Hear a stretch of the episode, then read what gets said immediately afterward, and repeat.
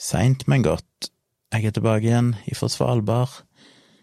Føler meg litt demotivert for å fortelle så mye om det, fordi at jeg sa ganske mye om det i Dialogisk i kveld, så hvis dere hører Dialogisk som kommer i morgen, eller rettere sagt seinere i dag, tirsdag 22. september, så får dere med dere det. Men til dere som eventuelt ikke hører Dialogisk, så kan jeg jo si at det var en grei tur. Jeg reiste jo opp på torsdagen. Du flyger opp til Tromsø, og så må du gå av flyet med håndbagasjen, identifisere deg med pass til politiet, og på igjen samme fly, samme sete med håndbagasjen, og så går turen videre til Svalbard. Når jeg kom der, så tok vi en flybuss. Jeg sier vi, jeg var jo aleine, men meg og de andre passasjerene som skulle den veien. Med en artig skrue. Det var en sånn skikkelig eh, original av en bussjåfør. En røslig fyr med julenisseskjegg som hadde en spøk omtrent hver eneste han skulle selge billetter. Han husker faen ikke hva han sa, han hadde en del morsomme ting underveis. Han drev og kom med forskjellige kommentarer til ting han så ut av vinduet, og, og forskjellige ting. Ganske drøye ting tidvis. Morsom fyr. Ble sluppet av de som Blue, Arctic, eh, et eller annet sånt hotell. Sjekka inn der. Det var fint rom. Um, men i løpet av de tre dagene jeg bodde der, så fikk jeg aldri room service, som overraska meg litt. De pleier vel å komme inn hver dag, egentlig, og jeg så jo sånne her eh, Folkene som driver med room service, var jo i gangene, men de var aldri på mitt rom, selv om jeg var ute store deler av dagen, og de hadde rikelig tid til å, å komme der. Så etter faen hvorfor de aldri kom med noe room service, og det er ikke noe stort problem, for jeg trenger jo egentlig ikke room service, bortsett fra at jeg gikk tom for etter første morgen jeg dusja, så brukte jeg opp den siste lille resten av såpa som var i dusjen. Og da håpte jeg jo på room service, vi kunne komme og fylle på igjen. Regna med når jeg kom tilbake igjen, så ville de ha vært der og, og fylt opp, men det hadde de ikke. Så det endte opp med at jeg måtte spørre i eh, resepsjonen om, om det, og regner egentlig med at de sier ja, det skal vi ordne. Men det gjorde de ikke, istedenfor så forsvant hun bak på et lager, og så kom hun tilbake igjen med ei flaske såpe og ba garn til meg, og jeg var på vei inn for å spise middag, så jeg måtte jo bare dra med meg den inn i restauranten spise opp igjen på hotellrommet etterpå og finne ut hvordan jeg skulle få montert den inn i beholderen. Det gikk nå relativt greit. Og det er jo ikke noe stort problem, men det er litt rart, egentlig. Jeg er vant med at det normalt så har de en sånn serviceinnstilling på hotellet at det er sånn ja, det skal vi fikse, bare gi dere romnummeret. Så hvorfor de ikke vasker rommet mitt, eller var inne og rydda opp i rommet mitt i løpet av hele den tida jeg var der, det aner jeg ikke. Enten så var det en forglemmelse, eller så er de bare av eh, miljøhensyn eller noe sånt. Nei, det henger jo de vanlige oppslagene med hvis du legger håndklærne igjen på gulvet, så betyr det at de skal byttes hvis de henger på, eh, på den, ja, der de skal henge, så skal du bruke det igjen. Som jeg skulle tro betydde at de kom inn og skifta de, men, men de gjorde jo aldri det, så det var litt sånn rart. Og så blir jeg jo alltid irritert over dusjer på hoteller som ikke har skikkelig trykk. Den her er jo, den lakker jo i alle retninger. Spruter jo vann ut av eh, der kabelen, eller der slangen er montert inn i eh, hva heter det, da? Hva er det fancy navnet for uh, der du justerer varm, varme og, og styrke på vannet? Jeg kom ikke på det i farten. Men iallfall, så jeg prøvde å skru det til, men det var umulig med hendene, så litt sånn eh, halvveis. Ellers var det jo et fint hotellrom, romslig og stort, en grei seng. Og de hadde kaffemaskin på rommet, så jeg fikk lagd meg noen kopper kaffe, det er greit, men de er alltid så gjerrig på de kaffekapslene. Det er jo når det ikke er noe room service, så blir jo ikke det fullt på. Så det var jo fire stykker og de ble jo fort brukt opp. Eh, ellers så gjorde jeg vel ikke så mye. Jeg var jo nede og spiste i restauranten der første dagen, og fikk jo verdens beste mat, som jeg snakker om både dialogisk og tvitra om og delt på Instagram. Fantastisk treretters måltid, som var helt insane godt. Jeg ble bare helt sjokkert for hver eneste rett, så var det bare fantastisk. Og så spiste jeg igjen der på lørdag kvelden, og da var det helt ræva tre retter som bare sugde så hardt, så det var helt fascinerende hvordan den samme restauranten kunne så være tidenes beste mat én dag, og helt for jævlig tre retter dagen etterpå, eller to dager etterpå. Men sånn er det. Eh, som vanlig så var jeg jo bestilt en ribbe til hovedrett.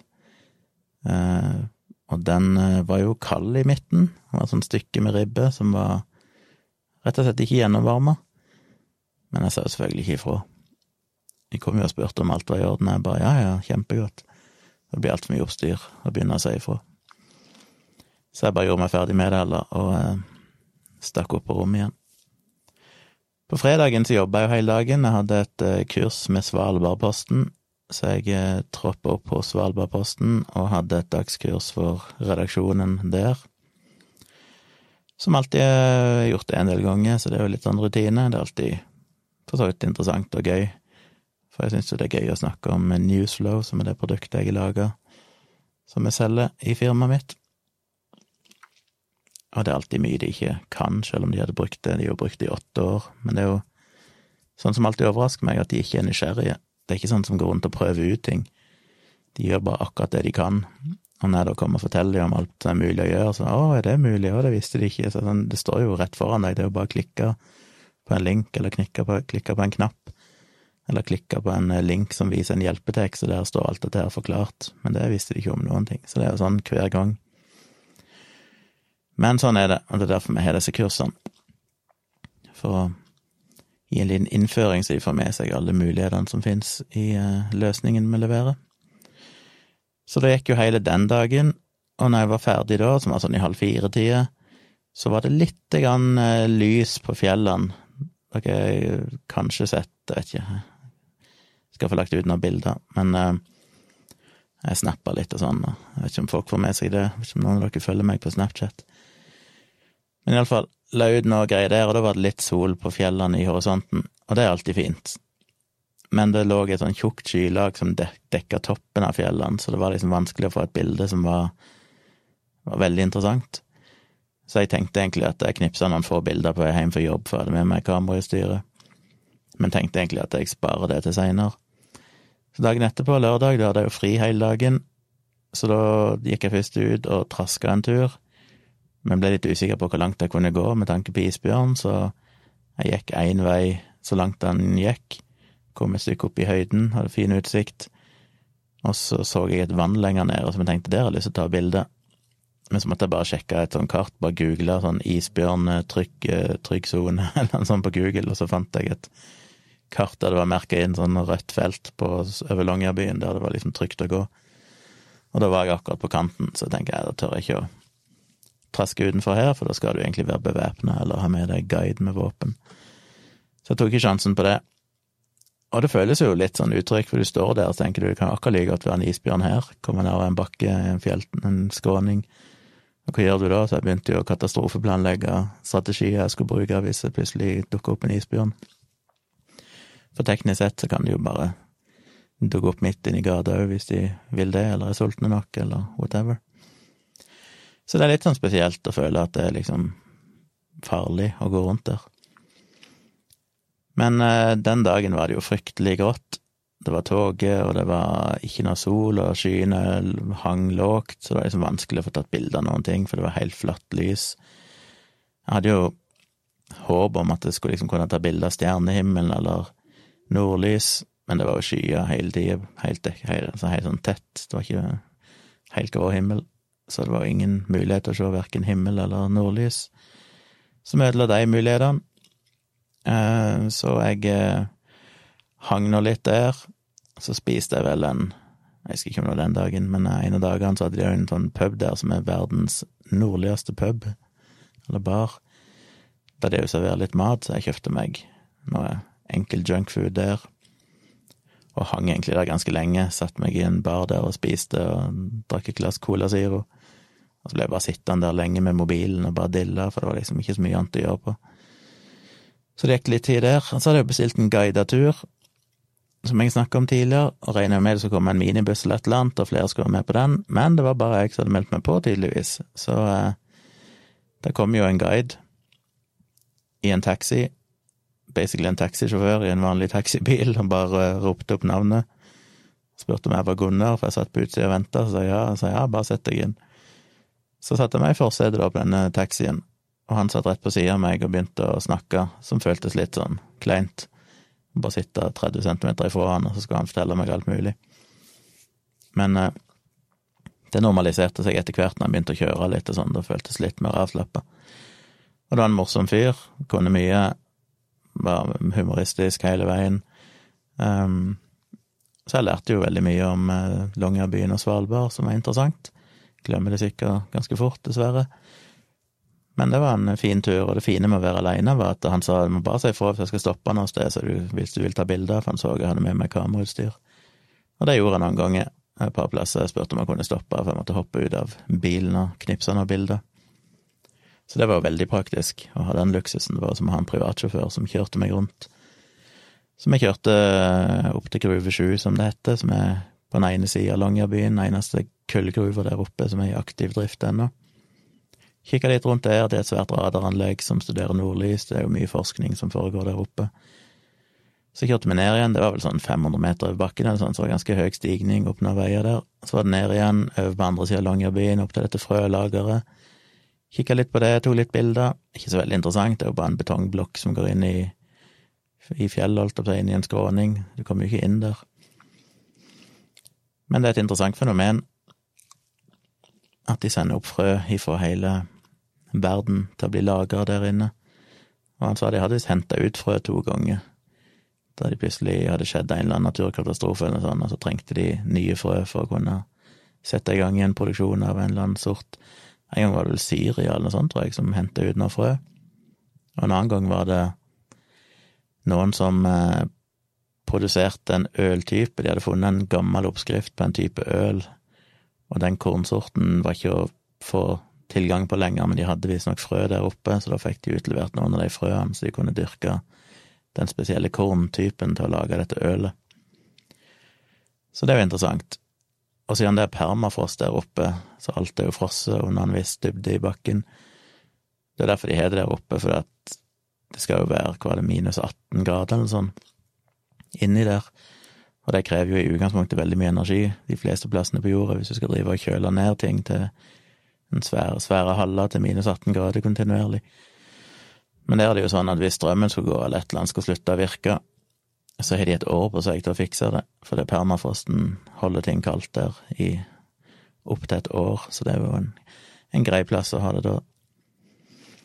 Og så til slutt så kjørte vi litt rundt i Longyearbyen, og han fortalte meg om de forskjellige bygningene der og sånn, det er jo knøttlite sted, det er jo bare en, et par veier fram og tilbake, eh, med noen brakkebygninger. Og det ser jo veldig rart ut i Longyearbyen, for alt ser ut som et anleggsområde. Alle bygningene er jo bare sånn brakke, firkanta, kjedelige brakkehus. Alle røyr og sånn går jo over bakken, for du kan ikke legge det i jordet, for det er permafrost, og da vil det bli knust og sprekka umiddelbart. Eh, og det er grøfter, og det er anlegg, og det er, det er liksom ting ser så halvferdig ut, selv om det har eksistert i over hundre år. Så det er en merkelig, merkelig sted. Og så jo aldri solen mens jeg var der. Det er jo ikke mørketid ennå, men, men, det var jo overskya, og solen er bare så vidt den kommer over horisonten. Så jeg så egentlig ikke noe til sola, og den lyste heller ikke opp fjellene, som jeg sa, de andre dagene. Så det var vanskelig å få tatt noen bilder. Eneste gangen det var noenlunde mulig å ta bilder sånn der det var litt lys, det var jo den dagen jeg skulle hjem, selvfølgelig, på søndag. Eh, da gikk jeg ut av hotellet og kikka litt rundt når jeg hadde pakka sånn og sjekka ut av rommet. Og da plutselig så jeg at det var en eh, klar himmel. Jeg husker ikke helt om det var helt klar himmel, det var tilnærmet klar himmel. Det var iallfall ikke noen skyer som hang nedover fjelltoppene lenger, så du så faktisk fjelltoppene. Så jeg knipsa noen bilder av det òg, men igjen så var det veldig flatt lys, og det var liksom ikke noe Det var liksom bare et jevnt lys overalt, det var ikke noe direkte solskinn på noen ting, så du fikk ikke noe kontraster, du fikk ikke noe dybde i det. Og skal du ta sånne landskapsbilder, så er det ofte veldig, veldig gunstig å du kan ha et landskap som ser kjedelig ut, og så kommer sola og skinner litt på ei fjellside eller et eller annet sånt, og så blir det plutselig noe helt annet. Så jeg etterlyste de der små solgløttene som kunne gi litt eh, Skape litt liv i terrenget, men det fikk jeg aldri.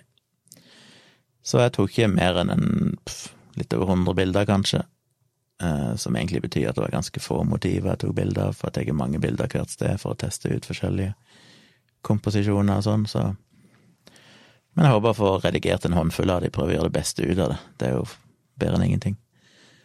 Um, så det var en, en grei tur, men litt kjedelig. Og det er jo veldig spesielle tilstander der oppe nå. De pleier å ha seks flyavganger om dagen. Nå går det seks i uka av korona og sånn. Og det er litt desperate tilstander der oppe, for de lever jo basically av turisme nå som det ikke var noe aktiv eh, gruvedrift, sånn skikkelig økonomi i det, på ganske lang tid. Så ja, det er vel en del færre folk enn det det normalt pleier å være der når det er turister og sånn. Men det plager meg jo ikke så veldig mye. Um, en grei tur, gøy å ha vært der igjen. Kan godt reise opp en annen gang, men da vil jeg helst reise på et annet tidspunkt av året, der det er litt mer eh, litt gunstigere med tanke på fotografering og lys. Jeg er litt usikker på hva tid det er, men jeg tror kanskje på vårparten så er det kanskje mer interessant. Eh, fordi på, på sommeren så er det jo sol hele tida, da blir det vel heller ikke nødvendigvis det beste lyset, jeg vet ikke. Pluss at det er jo ikke noe særlig snø og sånn heller, da, så det blir litt, da er det jo veldig, veldig grått, det er liksom bare grus og sand overalt. Så du trenger egentlig litt snø for å få ting til å se litt uh, finere ut. Uh, ja, så det var turen min. Kan høre mer om det i dialogisk, og snakke litt mer om andre ting. Ellers så har jeg fått uh, et spørsmål. Um, Alex, som er et spørsmål som det er mulig han mente jeg skulle bare svare på personlig, men jeg tar det her, jeg. Så kan jeg svare han at jeg svarte han i podkasten, i tilfelle han ikke hører på podkasten. Men hvis du hører på podkasten, Alex, så får du svaret her. Han spør om eh, Han har hatt noe jobber som han bare har gjort fordi han trenger penger til mat, men han vurderer å sjekke ut om IT kunne vært noe for han. Eh, kanskje cyber security. Og så lurer han litt på om jeg har noen tips til hvordan han kan navigere sjøen av kunnskap og kilder. Eh, om det er mulig å på en måte lære seg ting sjøl uten å måtte betale masse for kurs og sånn. Og svaret mitt der er vel eh, at jeg er jo av den oppfatning at du kan lære deg det aller meste sjøl. Eh, det er selvfølgelig enkelte ting det kan være kjekt å ta en utdanning for, men eh, det aller, aller meste her i verden kan du lese deg til hvis du vil det. Jeg driver jo datafirma, som man tydeligvis vet, og har gjort det i 20 år, og er basically sjøllært Alt jeg gjør i dag i jobben min, er jo bare ting jeg har lært sjøl. Og ehm, ja. Så en må bare begynne et sted.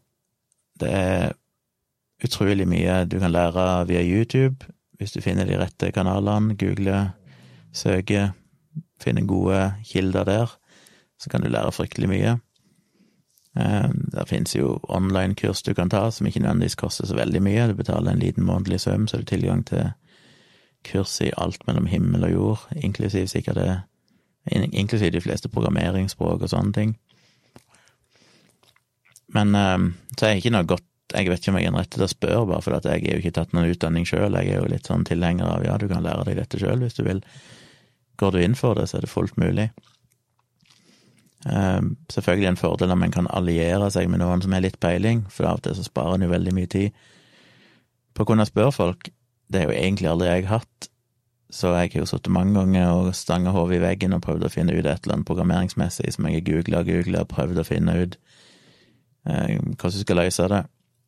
Og til slutt så har det alltid jo jeg vel alltid klart å løse det, eller bare endt opp med å gjøre det på en helt annen måte. Men det er en del ganger jeg tenker åh, dette her er det jo noen som helt åpenbart kan, eh, hvem skal jeg spurt? Men så finnes det jo mange sånne nettsider, sånn Stack Exchange og sånn, som basically er bibelen til alle kodere, for dette er jo sånn eh, forum à la Quora, der du kan, noen kan stille et spørsmål, og så kan du svare, og så kan folk vote opp og ned svarene og sånn. Og jeg vil jo si at uten å overdrive, så er nok 99 av alle ting jeg lurer på, finner jeg der og det er stort sett det du finner for opp når du googler. Hvis du googler et eller annet spørsmål som er relatert til koding, så vil nesten alle de øverste, gjerne flere sider med søketreff, er jo bare ifra den der Er det Stack Exchange det heter? Jeg er jo aldri inne på Skal bare google et eller annet. Et eller annet som har med programmering å gjøre. Se hva jeg eh, Stack Overflow heter det stackoverflow.com. Det er ikke jeg sier du lærer noe av, det er ikke noe sånn kurs eller sånn der, men jeg bare sier at måten de fleste programmerere jobber på, er at du kan de basic tingene. Du må liksom skjønne hva koding er, og kjenne litt til språket ditt. Men etter det så lærer du bare ting som du trenger det. Og det er jeg ikke alene om å mene, jeg hører jo på den ATP-podkasten, som er en sånn Apple-podkast, men han er en av de, eller egentlig alle tre, det er tre uh, dudes som sitter og prater. En av de er jo en veldig kjent utvikler som har laga en del kjente, kjente program, kjent programvare. Han var vel en av de som lagde Tumbler i sin tid, og står bak den der Pocketcast, uh, podkast-appen som jeg blant annet bruker. Og han lagde Hva er det dette?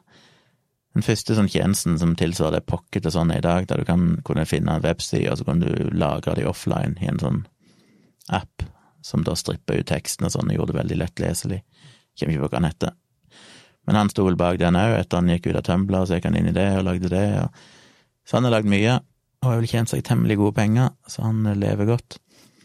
Eh, og han, når de snakker om programmering og sånn der òg, så sier jo de egentlig det samme, for de har jo fått dette spørsmålet en del fra lyttere som sier jeg har lyst til å drive med begynne å programmere, sånn, hvordan skal jeg begynne, hvordan skal jeg lære meg det?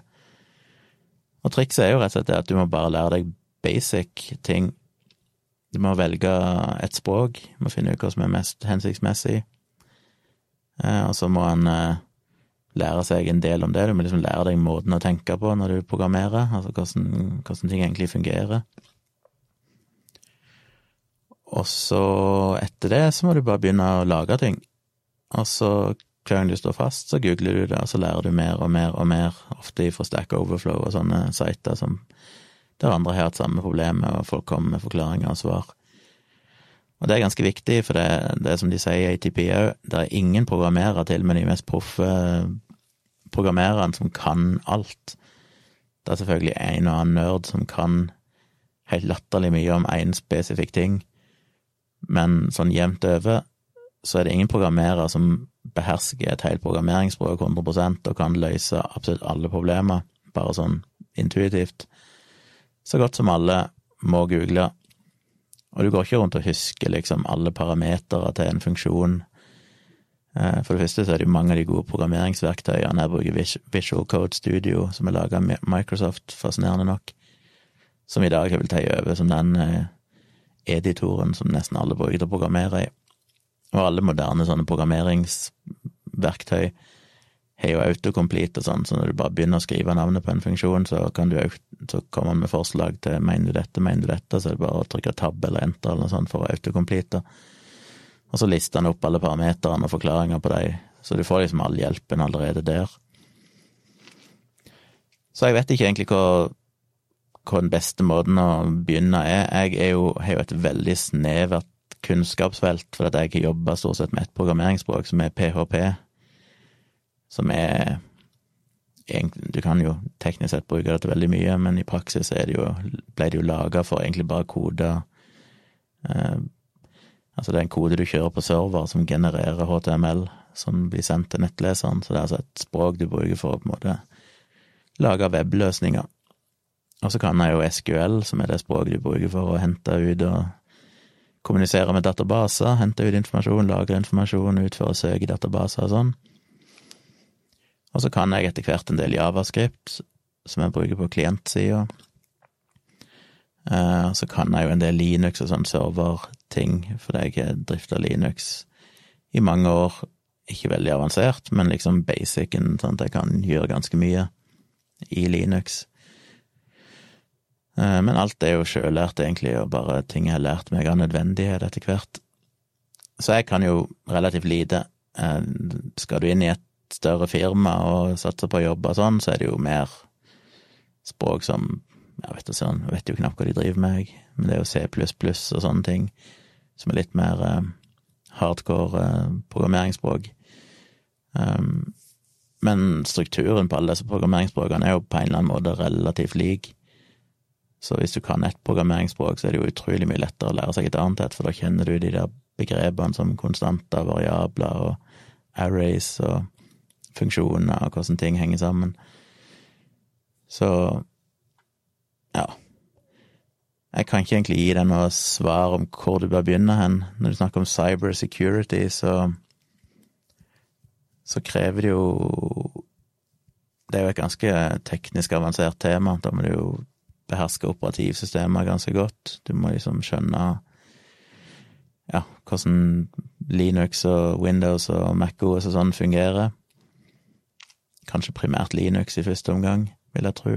Du må kunne mye om nettverk, hvordan nettverksprotokoller og hvordan nettverk fungerer over internett og sånne ting. Og du må sannsynligvis også kunne litt programmering. Eh, kanskje spesielt sånn Pyton og sånne språk som vil ofte bli brukt til å lage skript for å gjøre forskjellige ting, teste ting og automatisere ting. Så, men det er jo fagfelt jeg kan fryktelig lite om, for det er ikke noe jeg jobba med. Men det er jo et spørsmål du sikkert kunne ha posta på Quora eller eh, et eller annet sånt sted, der du kan poste spørsmål, eller finne en eller annen gruppe inne på Facebook for å programmere, eller datasikkerhet og poste spørsmålet der, liksom hvor bør du begynne hen? Og så, eh, når du først bare vet hvor du skal begynne hen, så vil jeg påstå du kan lære deg alt sjøl, hvis du vil det.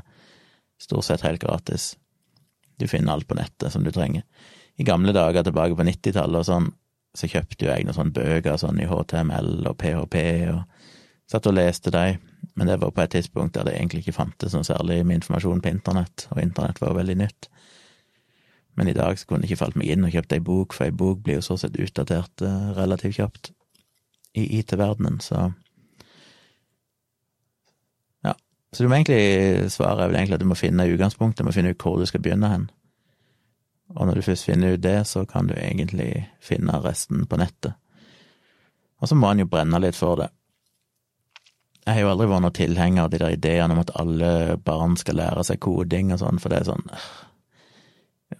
Hvorfor det, liksom?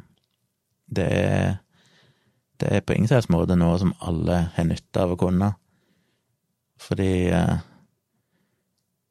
Ja, jeg, jeg klarer ikke helt å skjønne poenget med det. Jeg, jeg ser verdien i å lære folk, eller barn, litt om hvordan ting henger sammen, altså hvordan Ja, bare på en måte infrastrukturen på internett og sånne ting, hvordan det henger sammen, og hva en server er, og hva en klient er, og litt sånne ting, men, men programmering er jo For meg så er jo programmering en kunst, og det er derfor jeg liker det så godt, for det er en blanding av streng logikk, for det er jo det mest logiske, det er som matematikk, egentlig, det er liksom ikke noe Skriver du en kommafeil, så virker ikke ting, det er ikke noen som hjelper deg, ting må være helt strengt akkurat som det skal være. Eh, samtidig som det er veldig, veldig kreativt, fordi alt du gjør Det er jo mye du gjør som har blitt gjort før, men det meste av det jeg gjør, føler jeg jo at jeg, jeg liksom lager noe som aldri er blitt gjort før. Ikke fordi at funksjonaliteten ikke er blitt laga før, men fordi måten å gjøre det på i mitt system er jo helt unikt. Og sånn vil det være for de fleste, så det, du må liksom alltid finne dine egne løsninger. Du har et problem, og så må du tenke ut en løsning og klare å programmere det. Og for meg så er det litt som eh, poesi, at du kan lære deg programmering, du kan lære deg kommandoene og liksom Akkurat som du kan lære deg alfabetet og grammatikk, men det betyr ikke at du blir en poet eller en forfatter av den grunn. Så det å lære byggeblokkene er nå én ting, det kan alle gjøre, men om du blir en god programmerer, handler jo om en del andre ting. Det handler jo om at du må være en flink problemløser, du må være flink til å sjonglere mye informasjon mentalt. For veldig mye av det en gjør, må en sitte og tenke gjennom og visualisere internt i skallen sin før en kan liksom finne ut hvordan du skal faktisk programmere det. Du må Ja, du må, du må klare å tenke veldig abstrakt på en måte, og samtidig veldig logisk. Og det er det jeg syns er veldig gøy med programmering. Så når jeg sitter i dag med såpass mange års erfaring jeg har, så hvis jeg snakker med en kunde som sier de skulle hatt en eller annen løsning på et eller annet, så tar det jo fem sekunder, så er jo hjernen min i gang og begynner å visualisere hvordan det kan løses. Og stort sett så ser jeg det ganske umiddelbart, fordi jeg kjenner mitt eget system så godt og har gjort så mange forskjellige ting opp gjennom 20 år at jeg stort sett har gjort et eller annet lignende før. Uh, og en sjelden gang så er det liksom Det er veldig sjelden, men det er sånn dette her vet jeg ikke hva som skal løse. Og da må man eventuelt google det, og så prøve å finne ut hvordan andre har gjort det, og, og sånn. Men det er veldig, veldig givende, syns jeg. Programmering er ekstremt givende. Um, og jeg er jo en sånn fyr som lærte meg å programmere fordi jeg lagde ting for min egen del. Jeg satt jo helt ifra jeg var 15-16 år gammel, før internett og sånn, når jeg bare satt på en isolert PC som ikke hadde noe kommunikasjon med omverdenen, og alle data som kom inn, gikk via en diskettstasjon. Eh, og programmerte mine egne ting. Jeg programmerte blant annet en eh, Programmerte Hangman. Bare sånn for jeg skulle se om jeg kunne lage Hangman sjøl, i basic. Og klarte å programmere en, en versjon av Hangman bare i sånn Grafikken var ASKI-kode, altså bare sånn tegn, og i hvitt på svart bakgrunn. Men der du Der han randomiserte et tilfeldig ord, og så tegna han opp antall streker for hvor mange bokstaver det var, og så måtte du begynne å taste inn forslag til bokstaver, og så hver gang du tasta feil, så tegna han opp en ny strek på denne hangman-figuren. Så det funka, og så programmerte jeg meg en liten AI Eh, i ordets videste forstand, som basically var at eh, jeg lagde et lite program i Basic som inneholdt en del setninger ferdig lagra, og så kunne jeg da skrive for eksempel 'hallo', og så svarte han meg et eller annet ut ifra det han hadde Det som jeg hadde programmert inn. Fullstendig uintelligent. det var bare sånn random. Han bare valgte en tilfeldig ting som han svarte. Og så hver gang jeg skrev inn noe, så ble det laga sånn at ordforrådet eller setningene i programmet ble på en måte større og større. Og i 90% av tilfellene, 95% av tilfellene, så fikk du jo et svar som var helt meningsløst. Fordi han bare serverte et eller annet tilfeldig tilbake igjen. Men av og til så var det gøy, fordi du skrev et eller annet, og så tilfeldigvis så fikk du servert en setning som svar som var liksom passa, og så var det sånn ha-ha-ha, det var gøy. Eh, så programmet var helt meningsløst, men det var likevel gøy å lage det, og liksom tenke ut jeg mener, nå hadde det tatt meg kanskje fem minutter å lage et sånt program, men i den tiden jeg var helt uerfaren, så tok det meg jo litt tid å tenke ut hvordan jeg skulle lage den type løsning. Og så ble jeg litt mer avansert etter hvert og lærte meg et programmeringsspråk som heter Pascal, som vel egentlig ingen bruker lenger. Um, det lærte jeg meg bare sjøl ut ifra ei bok jeg hadde kjøpt om Pascal, for igjen, det fantes ikke noe internett og sånn jeg kunne google og, søke. Google fantes iallfall ikke. Men det var heller ikke noen ressurser å søke på på nettet, så jeg måtte jo bare lære meg det fra ei bok. Så jeg lærte meg et programmeringsspråk som heter Pascal, som var litt mer sånn avansert. Litt lignende C++ og sånne ting i dag. Og da programmerte jeg en ganske avansert eh, bilde, altså tegneprogram, rett og slett. Så jeg programmerte et system som jeg fikk han til å styre Altså, du kunne, kunne, du kunne styre med musa di og tegne ting med musa, som var ganske avansert, for jeg brukte ingenting som var ferdiglaga, så jeg måtte programmere på en måte ganske hardcore. At han faktisk hele tida drev og logga muspekeren, og så hvor muspekeren var, og registrerte om du klikka på en knapp, og i så fall så måtte han tegne en prikk der muspekeren var, og så gjenta det, så du kunne tegne liksom en strek, sammenhengende strek, så lenge muspekeren ble holdt nede, og sånne ting med et grafisk brukergrensesnitt med knapper og sånn som jeg lagde helt i forbundet, så du kunne klikke på forskjellige knapper for å endre farge du skrev, tegna med og sånne ting. Jeg tror aldri jeg ble helt ferdig med det programmet, men jeg lagde ganske mye av det. Eh, var det vel mitt mest avanserte prosjekt i den tida. Og så er jeg jo såpass nerdete, dette har jeg fortalt før i andre sammenhenger, men når jeg gikk på videregående, var vel i tredje klasse på videregående, tror jeg, i 93, igjen før internett. Da hadde vi fysikk og lærte om Newtons lover. Det kan ha vært andre klasse, jeg husker ikke helt. Eh, I 92 i så fall. Lærte om Newtons lover, om eh, dette her med sånn eh, Du kan beregne med kurver til en, en gjenstand du kaster hvis du kjenner gravitasjonen og utgangshastigheten og utgangsvinkelen, så kan du på en måte tegne en kurve der du ser akkurat hvor langt denne ballen kommer til å gå. Så da gikk jeg hjem og lagde et program som visualiserte det grafisk, så du kunne, når du starta programmet, så tasta du inn hvor gravitasjonen skulle være.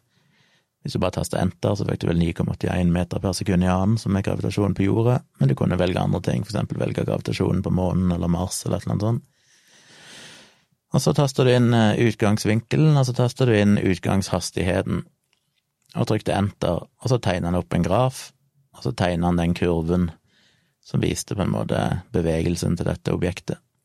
Og hvis du hadde en veldig stor hastighet og veldig bratt utgangsvinkel, så gikk den kurva rett opp i taket og forsvant ut av skjermen, og så måtte du sitte og vente lenge før han til slutt kom tilbake igjen og kom inn på skjermen igjen og landa. Og så nevnte jeg vel det til fysikklæreren min, og han gikk jo helt bananas, syntes det var så kult, og drog hele klassen med inn på datarommet, for i den tid var det ikke så mye datamaskiner, du hadde én datamaskin inne på et, et rom, og jeg måtte ha med meg den disketten og loade det inn og vise det for hele klassen. han syntes jo det var så kult at jeg hadde lagd det. Og de andre elevene tenkte bare sikkert 'nerd'. Men det var sånn jeg gjorde.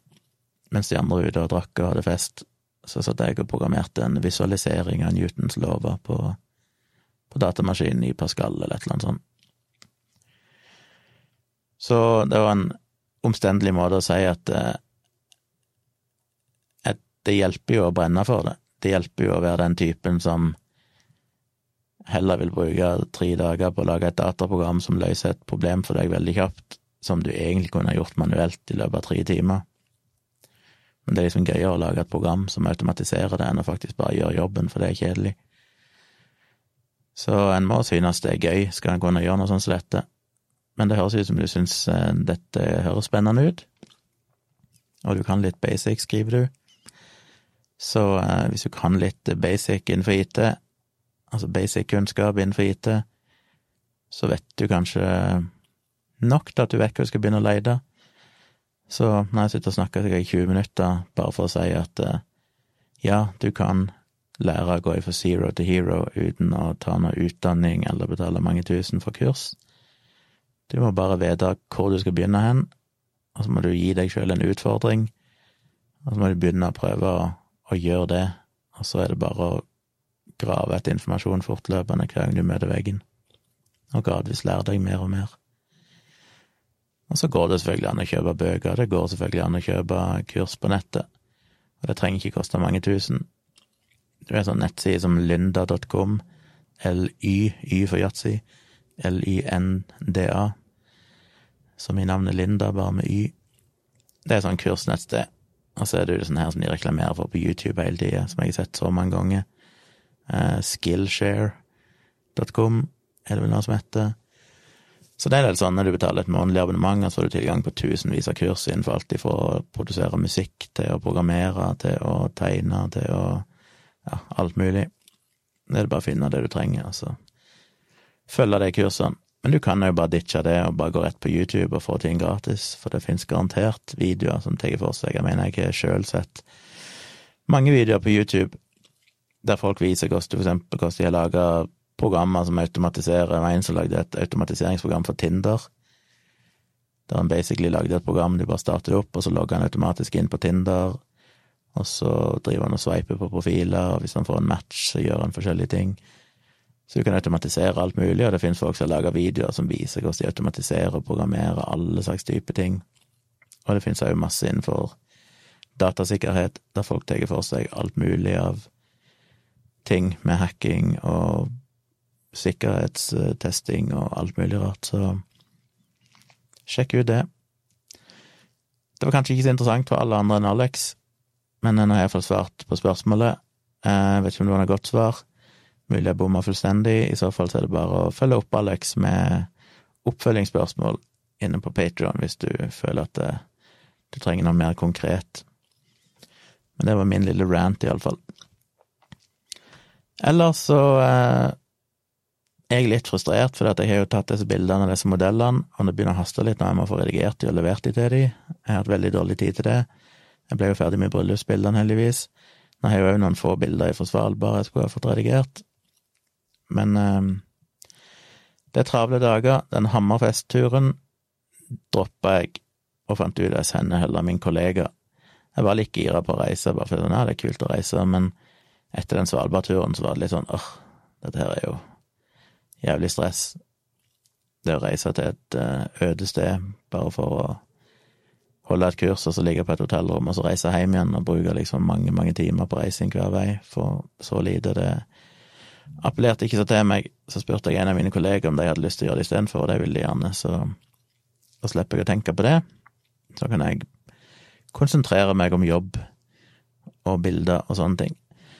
Så jeg håper det åpner seg opp litt utover i uka, at jeg får gjort noen av de viktigste jobbtingene, så jeg kan bruke litt av kveldene på å redigere bilder, og om ikke annet iallfall til helger. Så må jeg virkelig ha et rykk og prøve å få gjort ferdig alt, så jeg kan komme meg videre med andre ting. Og neste uke så er det jo på, nei, høstferie. Så på onsdagen i neste uke så reiser vi jo hele leid bil, og da skal vi kjøre til Tonstad, til familien min der. Plukke opp Maja på veien i Kristiansand, og skal være der en tre-fire dager. Og da driver jeg med kamerautstyr og satser på at det er skikkelig fine høstfarger oppe i Sirdal. Så da skal jeg iallfall prøve å kjøre litt rundt og se om jeg kan få tatt noen fine høstbilder der oppe, hvis jeg er heldig med vær og alt mulig sånn. Ja, så det skjer ting framover, men eh, fram til midten av neste uke nå, så skal jeg heldigvis ikke noen ting spesielt. Ja, bortsett fra at jeg har jo det foredraget på mandag. Eh, hvis noen av dere bor i Sandefjord, som sagt, eller vil dra til Sandefjord hvis dere bor i nærheten, så skal jeg holde foredrag 28. september i Sandefjord klokka sju et eller annet sted. Sjekk ut eh, Jeg skal poste noe på Facebook, nei, nede på Patron hvis noen av dere Jeg skal poste en link under denne podkasten, så dere kan sjekke ut det, tid og sted og sånne ting. Men det handler om hvordan hjernen lurer oss med optisk illusjon, alt mulig sånn, en times tid. Så hvis noen bor i nærheten av Sandefjord og er ledige mandag kveld, så er det veldig kult om dere stikker innom på foredraget. Så kan dere jo si hei til meg. Så eh, ja, det er det eneste som skjer, det er et foredrag på mandag kveld. Ellers så skjer det ikke så mye i framtida, og det er egentlig godt, for nå har jeg lyst til å bare jobbe med bilder og sånne ting. Det ble en lang eh, episode, men jeg har vært vekke en stund. Men jeg må logge av, legge meg, og så er jeg tilbake igjen i morgen kveld, regner jeg med. Good night.